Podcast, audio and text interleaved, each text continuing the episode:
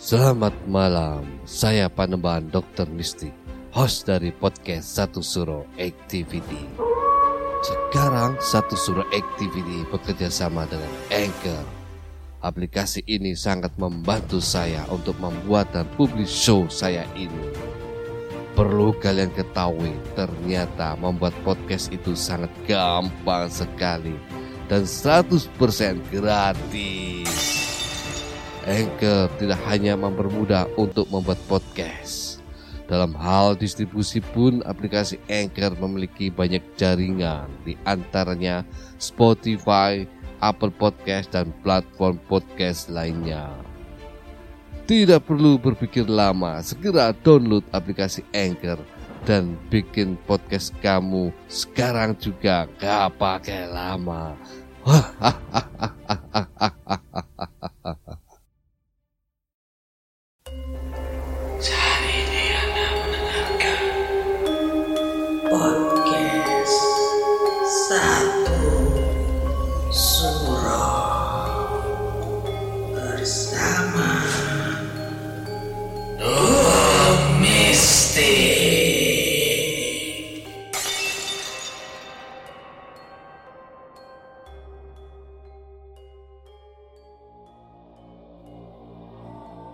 Assalamualaikum warahmatullahi wabarakatuh. Salam, salam, salam. Selamat malam. Rahayu, rahayu, rahayu. Para pendengar satu surah activity, saya Panembahan Dr. Mistik.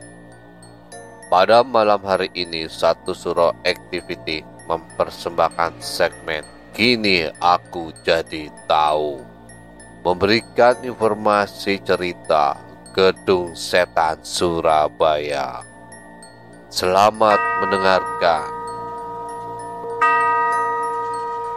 Bangunan-bangunan kuno yang kurang terurus atau tidak terurus maka dapat menimbulkan aura-aura mistis dan didiami para makhluk-makhluk astral. Seperti halnya bangunan gedung peninggalan Belanda yang berlokasi di Surabaya, Jawa Timur.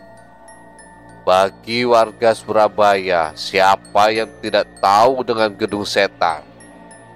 Terletak di Jalan Banyurip, Wetan. Jika dilihat dari kasat mata, bangunan tua itu terlihat besar dan angker. Terlebih jika saat malam hari terlihat gelap seperti tak berpenghuni. Gedung Setan adalah gedung bekas kantor gubernur VOC di daerah Jawa Timur yang telah berdiri sejak tahun 1809. Kemudian setelah VOC meninggalkan Indonesia, Gedung Setan dimiliki oleh Dr. Teng Xiao Hi atau Tengkon Tuan. Gedung ini pernah dijadikan tempat pengungsian orang-orang Tionghoa pada tahun 1948.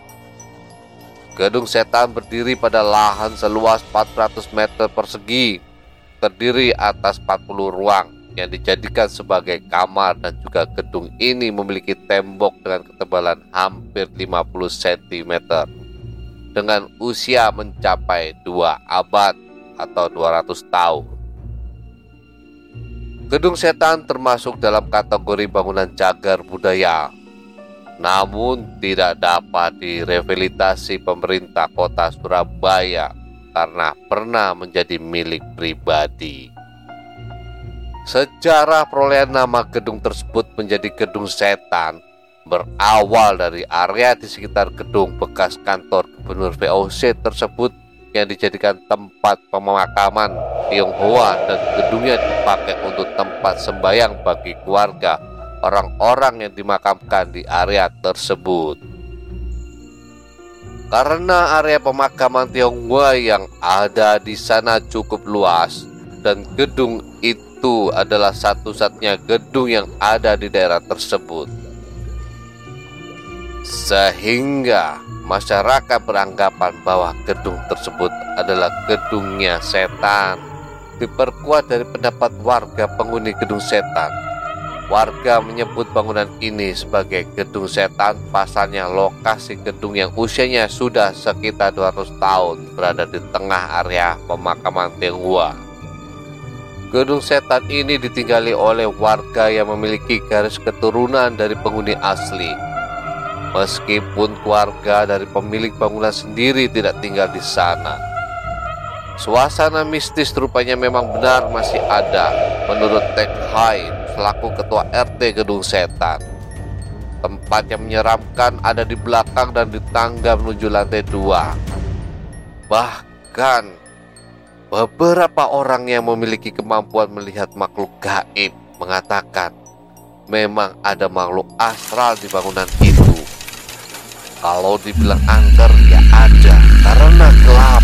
Dulu gak ada listrik dan bangunan lama kalau sekarang terang sebagai orang yang ngerti hal-hal supranatural mengatakan ada. Tapi penghuni di sini nggak pernah diganggu.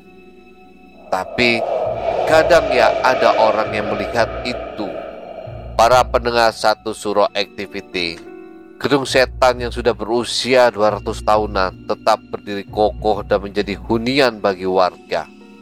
Meskipun sudah dihuni 40 kepala keluarga, tetap saja aura mistis dan kejadian mistis sering terjadi.